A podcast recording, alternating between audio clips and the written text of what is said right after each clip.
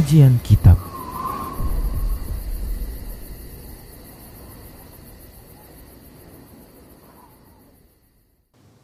Bismillah, Assalamualaikum warahmatullahi wabarakatuh. Innal hamdalillah nahmaduhu wa nasta'inuhu wa nastaghfiruh. Wa na'udzu billahi min shururi anfusina wa min sayyiati a'malina. Man yahdihillah fala mudhillalah wa man yudlilhu fala hadiyalah وأشهد أن لا إله إلا الله وحده لا شريك له وأشهد أن محمدا عبده ورسوله صلى الله عليه وسلم. قال الله تبارك وتعالى يا أيها الذين آمنوا اتقوا الله حق تقاته ولا تموتن إلا وأنتم مسلمون. يا أيها الناس اتقوا ربكم الذي خلقكم من نفس واحدة وخلق منها زوجها وبث منهما رجالا كثيرا ونساء. واتقوا الله الذي تساءلون به والأرحام. إن الله كان عليكم رقيبا. يا أيها الذين آمنوا اتقوا الله وقولوا قولا سديدا. يصلح لكم أعمالكم ويغفر لكم ذنوبكم. ومن يطع الله ورسوله فقد فاز فوزا عظيما. أما بعد. فإن أصدق الحديث كتاب الله وخير الهدى هدى رسول الله صلى الله عليه وسلم وشر الأمور محدثاتها وكل محدثة بدعة wa kullu bid'atin dhalalah wa kullu dhalalatin finnar. Para pemirsa Rosyad TV dan para pendengar radio Medan Mengaji di mana saja Anda berada rahimani wa rahimakumullah. Tak lupa kita senantiasa bersyukur kepada Allah atas semua nikmatnya dan tak bosan kita mengucapkan selawat serta salam untuk nabinya Muhammad sallallahu alaihi wasallam. Kita akan lanjutkan masih membahas tentang keimanan terhadap hari akhir dan di antara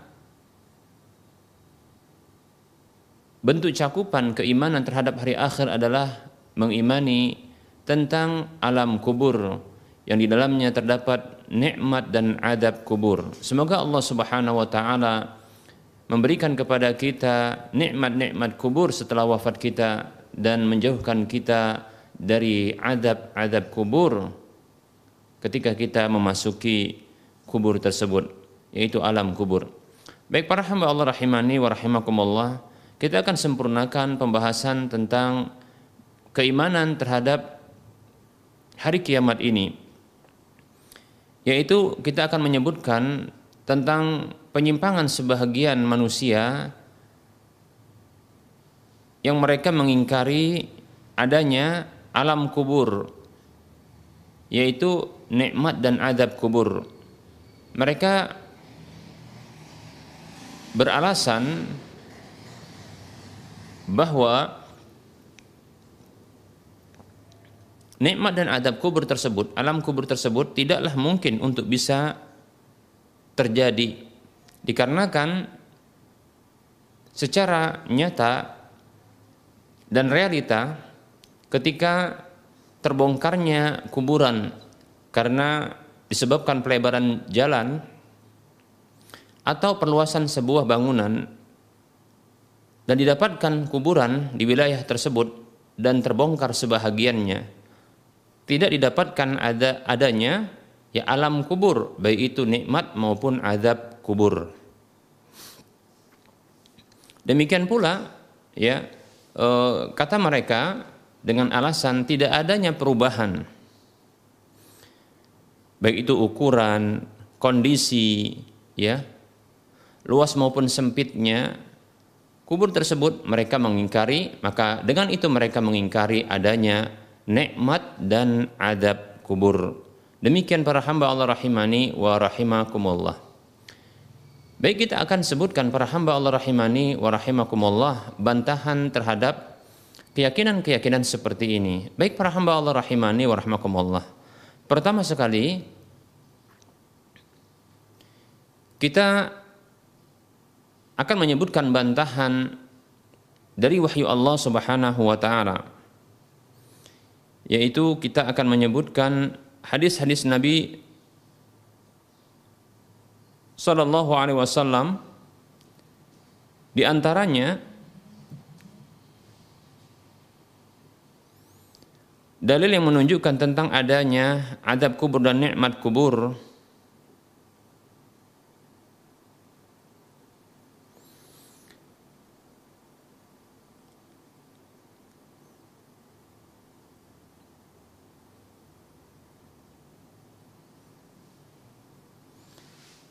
adalah hadis Nabi Shallallahu Alaihi Wasallam.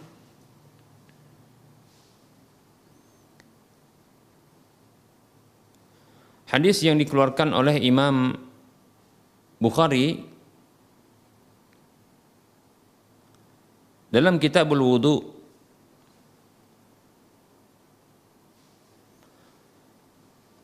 Yaitu dari hadisnya Ibnu Abbas radhiyallahu anhu ia mengatakan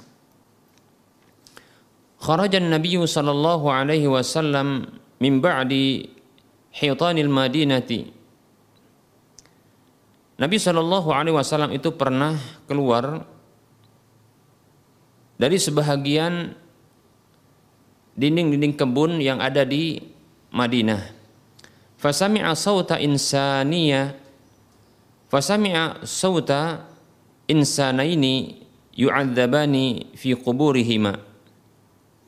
Lalu beliau Shallallahu Alaihi Wasallam mendengarkan suara, mendengar suara dua orang yang sedang diadab di dalam kubur mereka berdua.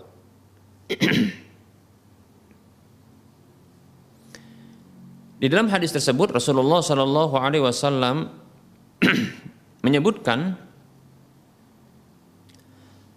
alasan kenapa mereka diadab di dalam kubur in ahaduhuma kana la yastatiru minal baul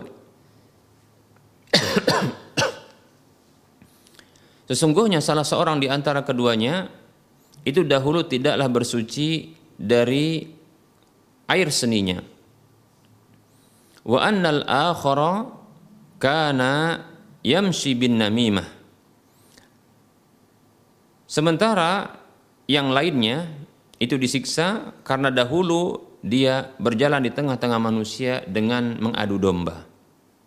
Baik hadis riwayat Abu Daud, uh, hadis riwayat Bukhari dan tentunya ini adalah hadis yang sahih. Baik para hamba Allah rahimani wa rahimakumullah. nah ini tentunya pengkabaran yang jelas dan gamblang dari Nabi kita Muhammad sallallahu alaihi wasallam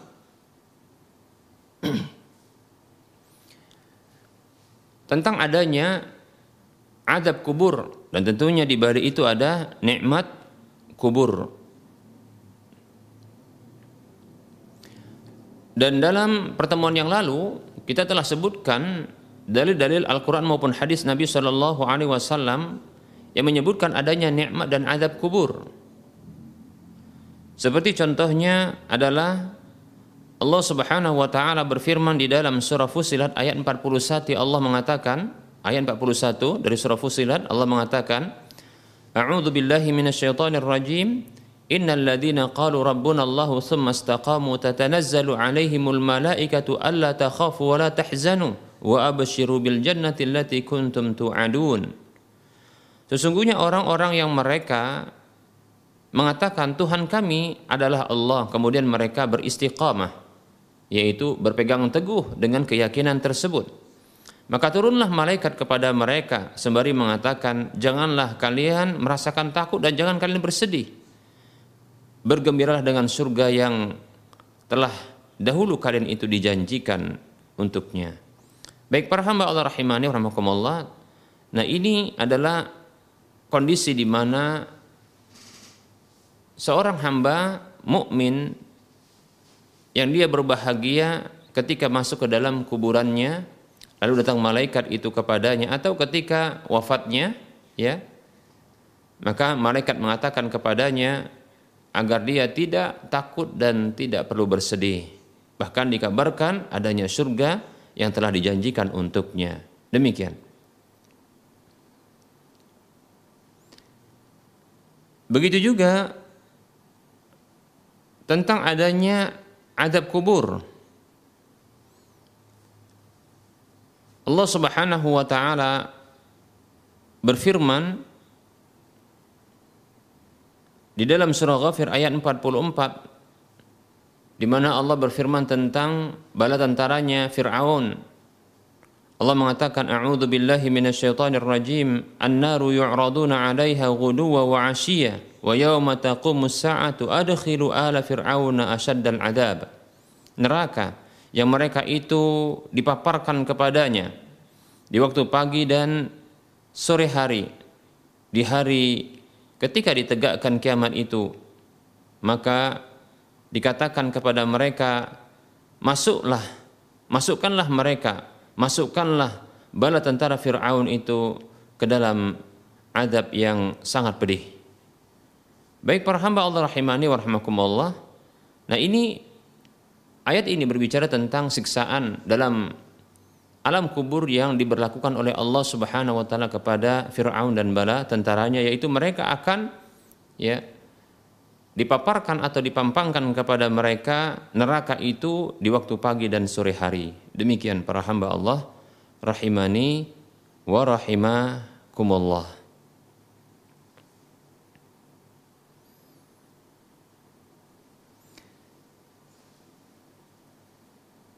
Begitu juga dalam hadis yang lain itu dalam hadis Bara' bin Azib radhiyallahu anhu, hadis yang panjang yang dikeluarkan oleh Imam Ahmad dan Abu Daud yang berbicara tentang perjalanan roh mulai dari dicabutnya atau dalam kondisi sakaratul maut sampai nanti dia ditanya ya ditanya oleh malaikat mungkar dan nakir dalam alam kubur Baik itu itu diberlakukan bagi seorang yang mukmin maupun seorang yang kafir. Demikian para hamba Allah rahimani wa rahimakumullah. Ini sudah kita sebutkan dalilnya. Nah, ini dalil-dalil yang jelas lagi gamblang yang seorang mukmin mestinya dia mengimaninya tanpa dia menolak sedikit pun. Dan perlu kita ketahui para hamba Allah rahimani wa rahimakumullah, pengkabaran ya, pengkabaran tentang perkara yang gaib oleh Allah dan Rasulnya maka kewajiban yang harus diaktifkan ketika itu adalah keimanan hati untuk mengimani ya bukan ya akal untuk mencernai baik para hamba Allah rahimani wa rahimakumullah ketika kita mendapatkan pengkabaran tentang perkara yang gaib dari berita yang jujur dan tentunya Allah Subhanahu wa taala adalah zat yang maha jujur Wa man asdaqu minallahi hadisa. Ya. Siapakah yang lebih jujur perkataannya ketimbang Allah Subhanahu wa taala? Maka tidak ada kecuali Allah Subhanahu wa taala. Dan Rasulullah SAW adalah makhluk pilihan Allah Subhanahu wa taala yang paling jujur. Oleh karenanya pengkabaran dari berita yang jujur seperti ini dan ketika berita itu mengandung perkara-perkara gaib maka tidak ada pilihan bagi kita kecuali membenarkannya dan menggerakkan hati untuk mengimaninya bukan menggerakkan akal untuk mencernanya dan memahaminya kan akal kita ya begitu juga ya logika kita tidak akan mampu untuk menembusnya baik para hamba Allah rahimani wa rahimakumullah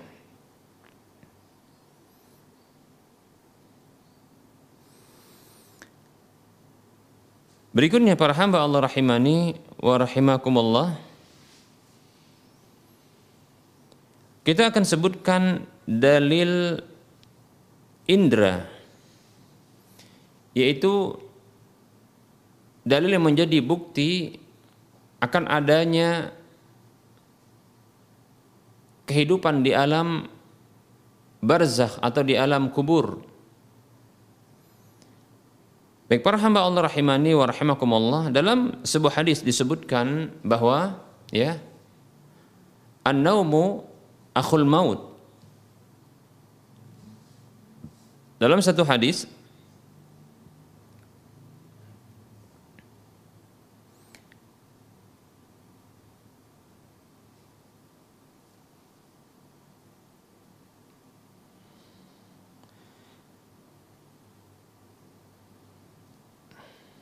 disebutkan bahwasanya an-naumu akhul maut wala yamutu ahlul jannah.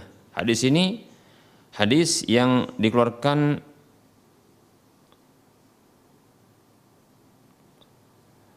oleh Imam Baihaqi dalam Syu'abul Iman ya. Dari sahabat Jabir radhiyallahu anhu tatkala ada seseorang yang bertanya kepada Rasulullah sallallahu alaihi wasallam ayanamu ahlul jannah? Apakah penduduk surga itu tidur maka Rasulullah sallallahu alaihi wasallam beliau bersabda an-naumu akhul maut wa la yamutu ahlul jannah ya Tidur itu adalah saudara kematian dan penduduk surga itu tidak akan mati. Demikian para hamba Allah rahimani wa rahmakumullah. Ini hadis hadis yang disahihkan oleh Syekh Al-Albani rahimahullah taala dalam Sahihul Jami di nomor urut hadis 6808. Ketika Rasulullah SAW menyebutkan kepada kita bahwasanya tidur itu adalah saudara kematian, maka kita mampu untuk membandingkan antara kondisi orang yang tidur dengan kondisi orang yang mati.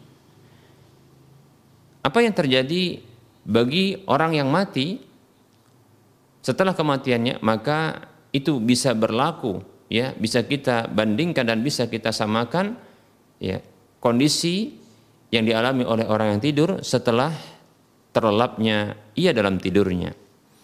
Seorang yang tidur sangat mungkin bagi dirinya untuk melihat di dalam mimpinya. Dia mengalami mimpi dia berada dalam tempat yang dia berada dalam suatu tempat yang begitu luas atau tempat yang begitu sempit tempat yang begitu luas dia mendapatkan kenikmatan-kenikmatan atau di tempat yang sempit yang dia tersiksa di dalam tempat tersebut atau ketika dia tertidur dia bermimpi dalam tidurnya dia dikejar-kejar oleh hewan-hewan buas yang ingin menerkam dan memangsanya atau ketika dalam mimpinya dia melihat ketika itu dia dinikahkan dengan bidadari atau dia mendapatkan kenikmatan-kenikmatan yang luar biasa. Baik para hamba Allah rahimani wa rahimakumullah. Dalam tidur seseorang dia bisa merasakan kenikmatan, begitu juga dia bisa mendapatkan siksaan.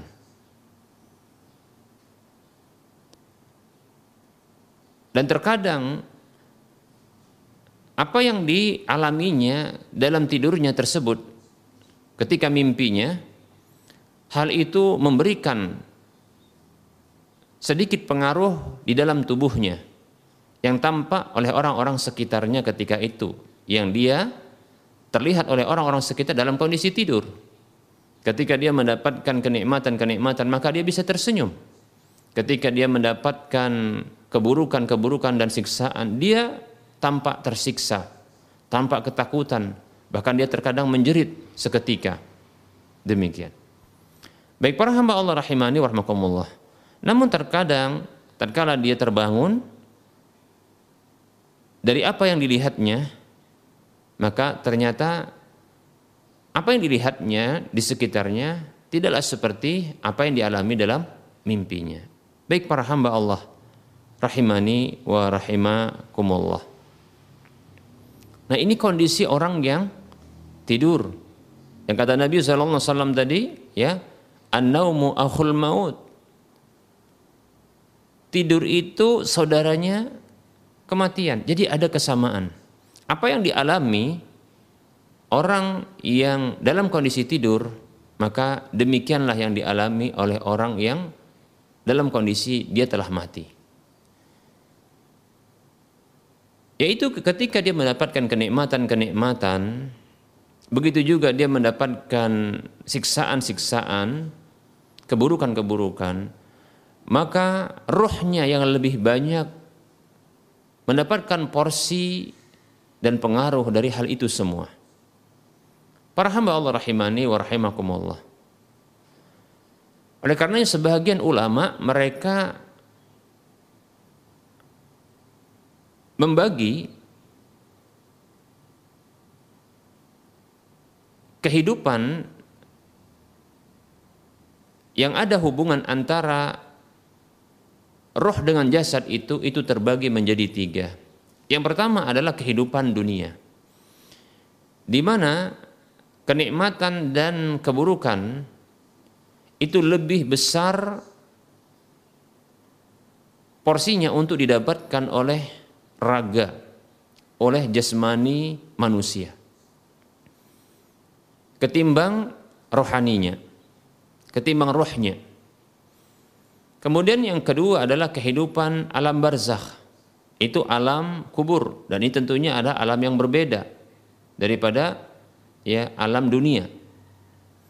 Di mana di alam ini maka porsi yang besar untuk mendapatkan nikmat dan adab, kebaikan dan keburukan adalah lebih banyak dirasakan dan lebih besar porsinya lebih dirasakan oleh roh manusia ketimbang jasadnya. Namun bukan berarti tidak ya memberikan pengaruh juga bagi jasadnya. Oleh karenanya ya kita dapatkan sebahagian kisah dan cerita bahwa ketika terbongkar satu kuburan didapatkan kulit yang legam dan gosong atau wajah yang berseri-seri dari orang yang ketika itu berada dalam kuburan tersebut. Demikian para hamba Allah rahimani wa rahimakumullah. Kemudian kehidupan yang ketiga yaitu kehidupan setelah kebangkitan. Setelah kematian. Ya, kehidupan setelah kebangkitan dan setelah kematian. Yaitu kehidupan akhirat. Di mana porsi mendapatkan kebaikan dan keburukan nikmat dan adab itu seimbang antara ruh dengan jasadnya. Demikian para hamba Allah rahimani wa rahimakumullah. Rasulullah Shallallahu Alaihi Wasallam mengkabarkan kepada kita bahwa tidur itu saudaranya kematian. An-naumu akhul maut. Tidur adalah saudara kematian. Sehingga apa yang berlaku bagi orang yang tidur maka berlaku juga bagi orang yang mati setelah itu. Ketika kita dapatkan ada orang-orang yang tidur dia mengalami kegembiraan dan kebahagiaan, dia mengalami kebaikan-kebaikan, kenikmatan-kenikmatan dalam tidurnya ketika dia bermimpi tentunya ya atau sebaliknya ketika dia mendapatkan keburukan-keburukan atau dia mendapatkan siksaan-siksaan dalam mimpinya maka sesungguhnya porsi yang besar ketika itu yang mendapatkan hal itu semua adalah ruhnya bukan jasadnya. Walaupun terkadang ada pengaruh kita dapatkan pada jasadnya di mana bila dia mengalami kegembiraan maka dia tersenyum. Dia mendapat kenikmatan maka bisa dia kadang tertawa ya sebaliknya kalau dia mendapatkan keburukan serta siksaan maka dia bisa menangis ya dia ketakutan dia menggigil demikian seperti itu walaupun ya ketika itu dalam mimpinya dia mendapatkan kebaikan-kebaikan begitu juga keburukan-keburukan yang lebih sempurna maksudnya lebih besar ketimbang apa yang terlihat di dalam jasadnya. Ya, seperti itu para hamba Allah rahimani rahimakumullah. Karena porsi yang terbesar mendapatkan ya kebaikan serta keburukan, kebahagiaan atau kesengsaraan, kenikmatan dan siksaan itu adalah rohnya ketika di dalam kuburnya. Seperti sama seperti ketika dalam tidur seseorang. Demikian. Baik para hamba Allah rahimani wa rahimakumullah. Ya. Begitu juga dalam dalam alam kubur, ya. dalam tidur demikian maka dalam alam kubur juga demikian. Baik para hamba Allah rahimani wa rahimakumullah. Nah ini gambaran yang mudah sekali. Oleh karenanya Allah Subhanahu wa taala menamakan ya tidur itu dengan wafat. Allah Subhanahu wa taala menamakan tidur itu dengan wafat.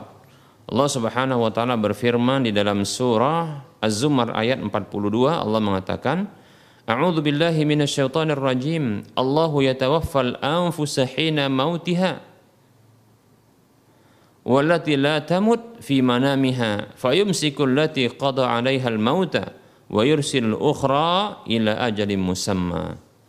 Allah Subhanahu wa taala berfirman, Allah yang mewafatkan jiwa-jiwa ketika kematiannya dan jiwa-jiwa yang belum mati Allah wafatkan itu jiwa-jiwa yang belum mati di dalam tidurnya. Lalu Allah Subhanahu wa taala tahan jiwa yang Allah Subhanahu wa taala tetapkan kematian untuknya dan Allah Subhanahu wa taala melepaskan jiwa yang lainnya yaitu ketika bangunnya ya sampai batas waktu yang telah ditentukan. Demikian. Baik para hamba Allah rahimani wa rahimakumullah. Ini dalil dalil his yaitu dalil indera manusia yang bisa disaksikan ya oleh panca indera manusia.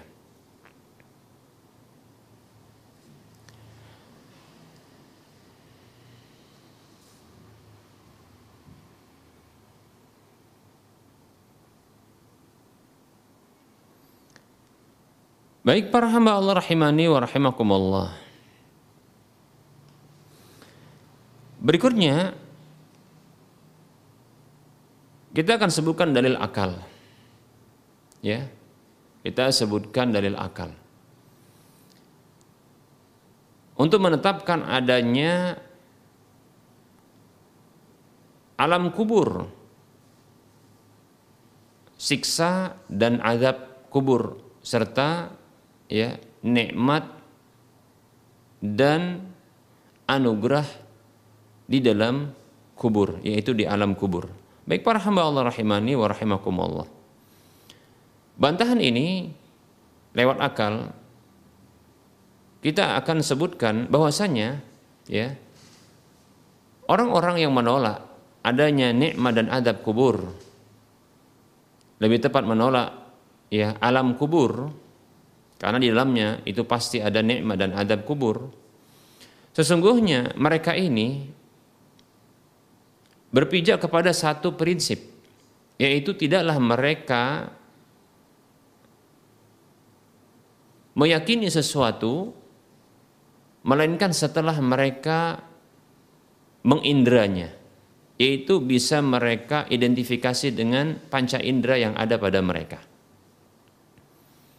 Baik para hamba Allah rahimani wa Maka kita katakan secara akal Kalaulah memang adanya sesuatu itu haruslah dibuktikan dengan adanya panca indera, maka banyak hal apa saja yang tidak bisa dipanca indrai atau tidak bisa diidentifikasi dengan panca indera maka itu akan ditolak padahal dia jelas adanya. Baik para hamba Allah rahimani rahimakumullah. Allah Subhanahu wa taala adalah zat yang tidak bisa diindra oleh manusia indera penglihatan, indera pendengaran, indera penciuman, indera pengecapan, indera rasa pada kulit. Allah Subhanahu wa taala tidak bisa diindra. Apakah kita menolak keberadaan Allah dan wujud Allah? Ini kekufuran. Demikian. Dan seterusnya dari apa saja yang dikabarkan oleh Allah Subhanahu wa taala dalam Al-Qur'an maupun lewat lisan Rasulullah sallallahu alaihi wasallam di dalam hadis-hadis yang sahih dari beliau yang menceritakan tentang perkara-perkara yang gaib yang tidak bisa diindra oleh panca indera manusia. Maka secara logika, kalaulah seandainya mengimani sesuatu itu haruslah setelah bisa dibuktikan dengan panca indera ketahuilah maka banyak hal yang diingkari oleh oleh kita dari prinsip-prinsip agama ini. Bahkan kita katakan ini dalil akal, ya. Bahkan kita kita katakan akal itu sendiri, akal orang yang menolak, yang memiliki keyakinan seperti ini, yang menolak adanya siksa dan adab kubur, begitu juga nikmat dan anugerah dalam kubur. Itu ditolak karena tidak bisa diindra, tidak bisa dilihat, tidak bisa didengar, ya. Maka kita katakan, ya, sesungguhnya jikalau orang-orang demikian mengharuskan harus adanya bukti yang bisa diindra oleh manusia, barulah mereka akan meyakini, maka sesungguhnya mereka adalah orang yang tak punya akal. Mereka adalah orang yang tidak punya akal. Karena sesungguhnya akal mereka itu tidak bisa mereka indra. Tidak bisa dilihat oleh mata, tidak bisa didengar oleh telinga, tak bisa dilihat oleh mata karena dia tidak menunjukkan zatnya akal itu.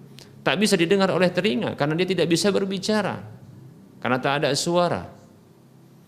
Tak bisa juga dikecap untuk diketahui rasa manis, asin dan asam serta yang lainnya. Tak bisa juga dicium apa aromanya dan juga tak bisa dirasa apakah dia panas dan dingin dan seterusnya. Maka dengan prinsip yang mereka yakini seperti ini menunjukkan mereka adalah orang gila karena mereka tak punya akal. Baik para hamba Allah rahimani wa rahimakumullah. Ya. Maka kita katakan demikian, ya. Orang-orang yang harus ya harus menghadirkan bukti secara indera yaitu sesuatu bukti yang bisa diindra yang harus menunjukkan dia boleh untuk diyakini keberadaannya itu harus diindra maka kita katakan jika demikian menurut logika mereka mereka itu adalah orang yang tak punya akal alias gila. Mereka dalam kondisi ketidakwarasan. Baik para hamba Allah rahimani warahmatullah ini dalil ya kita katakan dalil akal Ini merupakan dalil akal. Baik para hamba Allah rahimani wa rahimakumullah. Apabila mereka mengatakan ya kami tidak bisa melihat ya adanya kuburan yang diluaskan begitu juga disempitkan diluaskan bagi orang-orang beriman disempitkan bagi orang-orang kafir ya kami tidak bisa melihat ketika terbongkarnya kuburan tersebut sehingga kami tidak bisa meyakini hal tersebut? Maka jawaban pertama sudah kita sebutkan tadi, ya. Dan seterusnya jawaban-jawaban yang sudah kita sebutkan. Maka kita katakan Anda harus membedakan ya, kita katakan kepada mereka, ya, kita harus membedakan. Anda atau kita semua harus membedakan antara kuburan dengan alam kubur. Yang sedang kita bicarakan ini adalah alam kubur bukan kuburan. Yang sedang kita bicarakan ini adalah alam barzakh bukan kuburan. Betul kuburan itu bisa diindra. Liang kubur itu bisa diindra. Lubang kuburan itu bisa diindra. Namun ketika seseorang yang telah wafat maka dia telah beralih kepada alam berikutnya. Sampai nanti dia dimasukkan ke dalam alam barzakh. Ya. Sampai berikutnya dia akan ya memasuki tingkat level alam barzakh. Ya. Demikian. Ya. ketika dicabut kemudian dibawa oleh para malaikat ya. Kemudian baru setelah tahapan-tahapan sampai dimasukkan ke dalam kubur. Maksudnya adalah masuk ke dalam alam kubur alam barzakh, alam yang dia tidak bisa dilihat oleh mata dan tak bisa didengar oleh telinga, tak bisa dicium aromanya, tak bisa dirasa asin, manis, pahit atau yang semisalnya.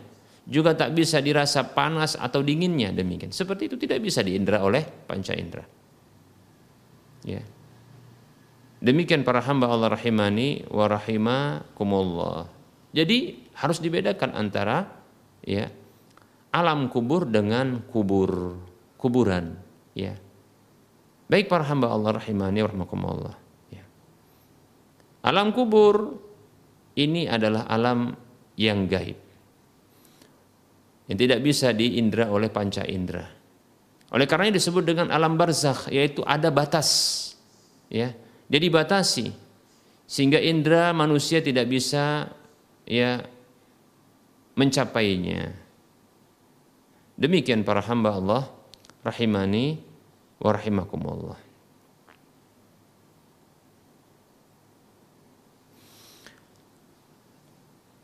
Maka kita katakan kepada mereka yang mengingkari nikmat dan adab kubur. Bila saat ini Anda mengingkari hal tersebut karena Anda masih hidup, maka Jangan sampai kita katakan kepada mereka jangan sampai ya.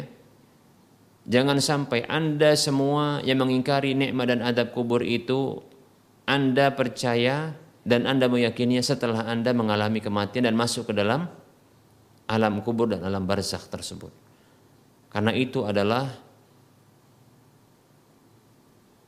waktu yang telat, waktu yang terlambat ya untuk Anda bertobat. Demikian para hamba Allah rahimani warahmatullah. Ya. Sesungguhnya Allah Subhanahu wa taala ya. Inna Allah yatubu Inna Allah yakbalu taubatal abdi malam yughargir. Sesungguhnya Allah menerima taubat seorang hamba selama dia belum yughargir yaitu nyawanya sampai kerongkongan. Demikian. Para hamba Allah rahimani warahmatullah. Kalau sudah sampai kerongkongan dan terlepas dari jasadnya ruh tersebut maka ketika itulah dia masuk ke dalam alam kubur alam barzakh. Dan tidak ada kesempatan lagi untuk bertobat lantas meyakini hal tersebut. Karena itu sudah terlambat. Baik para hamba Allah rahimani wa rahimakumullah barangkali ini materi yang bisa kita sampaikan dalam pertemuan kali ini. Dan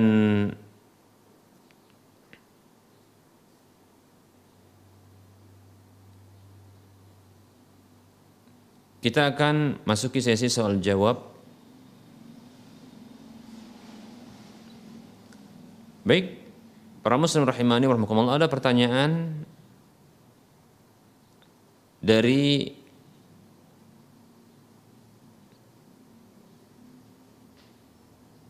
salah seorang kaum muslimin yang mereka bertanya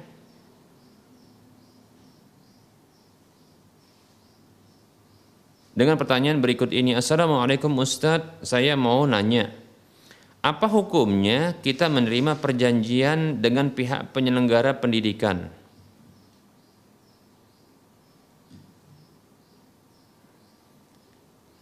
untuk tidak menikah selama kuliah di tempat tersebut. Syukron. Baik, Waalaikumsalam warahmatullahi wabarakatuh. Ketika sebuah lembaga memberikan syarat dengan sebuah syarat yang syarat tersebut tidaklah bertentangan dengan syariat syarat tersebut tidaklah bertentangan dengan syariat. Tidak menghalalkan yang haram tidak dan tidak mengharamkan yang halal. Maka ketika itu apabila dipenuhi syarat tersebut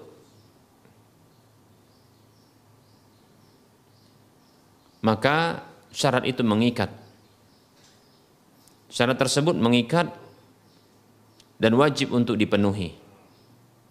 Baik para hamba Allah rahimani wa rahimakumullah. Nah apabila memenuhi syarat untuk tidak menikah atau menunda menikah selama kuliah kurang lebih mungkin sekitar empat tahun atau lebih kurang lebih empat tahun atau lebih maka Syarat ini adalah syarat yang mengikat dan syarat yang tidak bertentangan dengan syariat. Karena hanya sekedar menunda pernikahan. Ya. Bukan selamanya tidak menikah. Ya. Maka wajib bagi pihak yang memenuhi atau menyetujui syarat tersebut ya untuk memenuhinya selama perjanjian tersebut ya diberlakukan. Karena Nabi Wasallam bersabda dalam sebuah hadis yang diriwayatkan oleh Imam Abu Daud dan yang lainnya Rasulullah SAW bersabda Al muslimuna ala syurutihim Orang-orang Islam itu berada di atas syarat-syarat yang telah mereka sepakati. Maka wajib bagi seorang muslim memenuhi syarat-syarat yang telah mereka sepakati. Tidak boleh mereka langgar. Kalau dilanggar, pertama tentunya berdosa karena melanggar perjanjian. Sementara wajib untuk memenuhi janji. Ini asalnya. Kemudian yang kedua adalah batal konsekuensi-konsekuensi dalam perjanjian tersebut. Dibatalkan dengan hal itu maka batal konsekuensi-konsekuensi yang diberlakukan dalam uh, perjanjian tersebut. Demikian. Seperti contohnya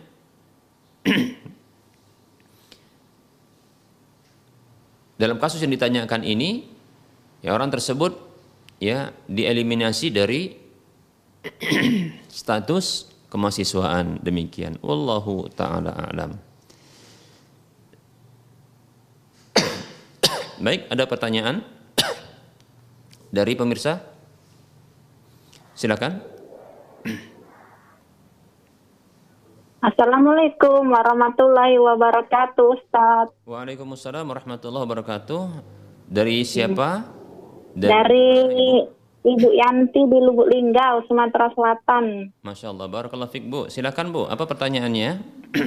Mau tanya, gimana cara mendidik anak supaya ini apa setiap sholat mau di diajak terus kalau tidak diajak dia selalu lupa gimana itu Ustadz hmm. baik cukup bu itu ya. saja Ida yang kedua lagi Ustadz ya. Baik.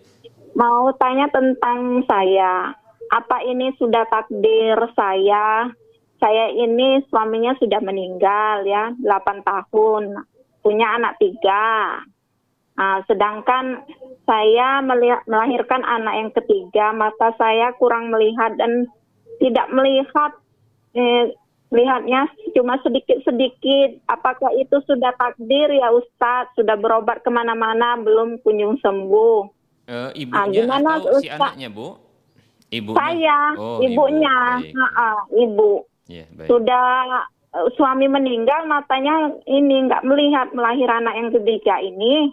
Nah, sudah berobat ke mana-mana belum kunjung sembuh kata dokter itu saraf mata nggak bisa diobati nggak bisa dioperasi jadi Baik. berusaha terus dok ini Ustadz gimana mencari ilmu nggak bisa ke mana-mana jadi lewat televisi aja atau radio apa. Nah. Baik Ibu. Hmm. itu apa sudah takdir dari Allah apa gimana ujian dari saya apa gimana cara mengatasi Ustadz dan doanya apa Ustadz ya? Baik. Assalamualaikum warahmatullahi wabarakatuh. Waalaikumsalam warahmatullahi wabarakatuh. Terima kasih jazakillahu khairah Ibu di Lubuk Lingga, Sumatera Selatan. Semoga Allah Subhanahu wa taala memberikan kebaikan kepada beliau dan keluarga di mana saja mereka berada. Baik, pertanyaan pertama tentang cara mendidik anak untuk bisa uh, mandiri sholat berjamaah ya di masjid. Ya tentunya anak-anak ya mereka ini lebih cenderung ya uh, tabiat mereka adalah bermain ya bermain sehingga hal ini yang membuat mereka ini lupa dan lalai. Oleh karenanya eh, jangan bosan orang tua untuk senantiasa memerintahkan mereka, mengingatkan mereka untuk sholat ketika mereka sudah berusia tujuh tahun.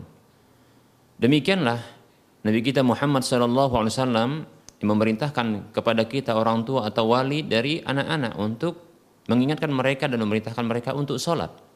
Kata Nabi SAW, muru auladakum bis wahum sab'i uh, wahum abna'u sab'i sinina. Wadribuhum 'alaiha wahum abna'u ashri sinina. Wa farriqu bainahum fil madaji'i. Kata Nabi sallallahu alaihi wasallam ya perintahkanlah anak-anak kalian itu untuk sholat ketika mereka berusia tujuh tahun. Jadi ketika usia tujuh tahun sampai sepuluh tahun itu adalah perintah terus perintah perintah perintah ya artinya ini proses mengingatkan ya dan memerintahkan seterusnya demikian. Jadi jangan bosan ibu ya. Mudah-mudahan ibu dengan itu banyak pahala ya.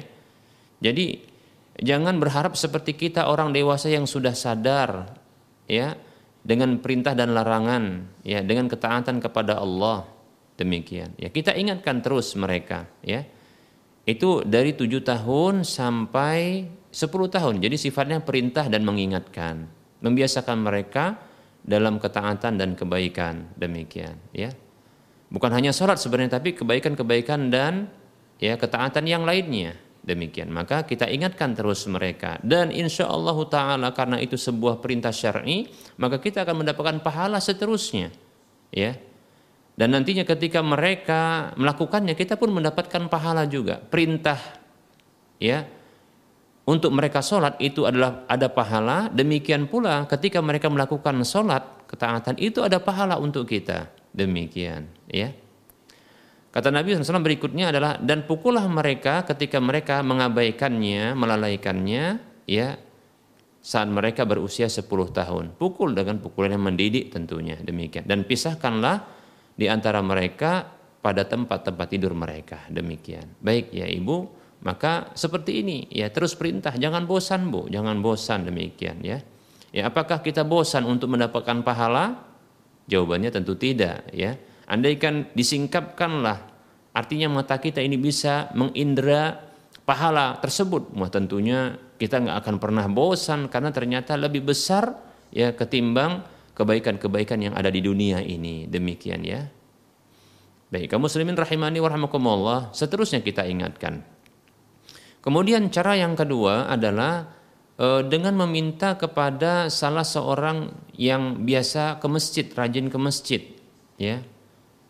Ya, e, pertama sekali kalaulah itu ada e, di antara keluarga kita seperti mungkin paman kita yaitu kakek dari e, jalur mungkin saudara ayahnya e, apa namanya atau saudara ibunya ya. Begitu.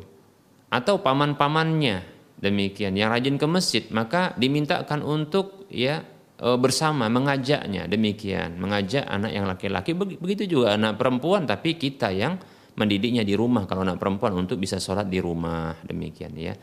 Ya ini sebenarnya metode yang kedua adalah metode selain eh, yang pertama tadi adalah dengan perintah yang kedua adalah metode keteladanan yaitu dengan eh, mengajak tapi dengan e, mem memperlihatkan langsung, mencontohkan langsung seperti itu ya.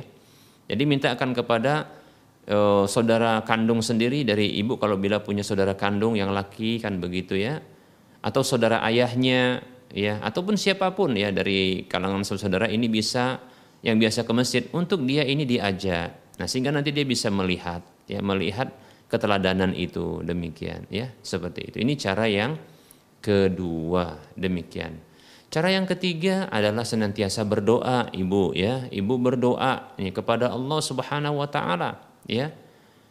Untuk kebaikan anak-anak Ibu, jangan pernah ucapkan kalimat-kalimat yang buruk untuk untuk anak-anak ini. Ya, ketika ibu marah, ya tentu ya namanya anak ini terkadang melakukan sebuah hal yang tidak kita sukai. bahkan melanggar apa yang kita telah tetapkan, itu membuat kita marah. Tapi marah kita sebaiknya terarah. Terarah lisan kita untuk untuk tidak mengucapkan kalimat-kalimat yang buruk sehingga itu menjadi doa bagi baginya demikian ya. Maka ucapkanlah hal-hal yang baik. Ya kalau ketika ibu marah, maka sampaikan ungkapan seperti ini semoga Allah Subhanahu wa taala memberikan kebaikan kepada Muna begitu. Ya, doanya baik-baik begitu ya. Ya janganlah sampai dikatakan ya mati saja kamu atau ya semoga Allah menghukummu. Jangan demikian ya, tapi doakan dia. Nah, anak pun ketika dia uh, sudah masuk usia tamis, ketika dia mendapatkan orang tuanya mengucapkan kalimat yang baik, maka ini bisa memberikan pengaruh baik pada dirinya. Seperti itu. Selain Allah Subhanahu wa taala yang mengabulkan doa tersebut karena doa orang tua adalah doa yang makbul begitu Bu ya. Doa yang makbul orang tua. Ya doa orang tua itu makbul kata Nabi SAW Sada sudah awatin la turaddu ada tiga doa yang tidak tertolak. Di antaranya adalah dakwatul walidi li waladihi. Doa orang tua untuk anaknya. Demikian ya Bu ya. Nah ibu sabar. Nah ini sabar terhadap anak-anak. Insya Allah pahalanya besar ibu ya. Demikian. Baik ya. Yang berikutnya adalah uh, Ini nasihat saya kepada kita semua Termasuk ibu ya Ketahuilah apa yang menimpa kita dari ujian-ujian, ya baik ujian anak atau ujian kehidupan, ketahuilah sesungguhnya kita mampu untuk melewati itu dan kita mampu untuk bisa ya melaluinya dengan baik karena Allah Subhanahu wa taala berfirman la yukallifullahu nafsan illa wus'aha. Tidaklah Allah membebani memberikan beban kepada satu jiwa kecuali sesuai dengan kemampuannya. Apa yang diujikan oleh Allah Subhanahu wa taala kepada ibu ya seperti tadi apa namanya uh, mata rabun ya kehilangan penglihatan. Begitu juga anak-anak yang mungkin sedikit bandel ya. Ya tapi saya saya yakin sih ya saya berdoa kepada Allah semoga anak-anak ibu ya itu menjadi anak-anak yang soleh dan soleh. Amin ya robbal alamin ya. Ketahuilah ujian itu ibu sanggup untuk melaluinya ya. Dan jadikan itu sebagai pundi-pundi yang akan dengannya ibu mendapatkan pahala yang besar. Ya. Kesabaran itu pahalanya luar biasa ibu, ya. Yaitu pahala yang mengalir tanpa batas kata Allah Subhanahu wa taala dalam surah Az-Zumar ayat 6 Allah mengatakan Innama yuwaffas sabiruna ajrahum bighairi hisab. Saya ulangi surah Az-Zumar ayat 10 bukan ayat 6. Ya, surah Az-Zumar ayat 10 Allah mengatakan, A'udzu billahi minasyaitonir rajim. Innama yuwaffas sabiruna ajrahum bighairi hisab. Sesungguhnya orang-orang yang sabar itu dibalas pahala mereka tanpa batas. Masya Allah bu, ya ibu luar biasa. Ya kalau ibu sabar dengan ujian yang menimpa ibu ini, ya maka ibu akan diberi pahala tanpa batas. Ya, andaikan satu saja dari pahala kesabaran kita itu ditampakkan oleh Allah kepada kita, pasti kita akan apa? Pasti akan terus sabar, pasti itu. Tapi masalahnya itulah iman. Iman itu melihat sesuatu ya yang dikabarkan oleh kabar yang benar bahwasanya itu ada namun tak bisa diindra oleh panca indera kita. Nah, itulah iman kita imani begitu. Ya, Bu. Maka sabar, ya, sabar. Dan insya Allah taala ujian ya apa saja maka itu akan meninggikan derajat dan menghapuskan dosa-dosa, ya.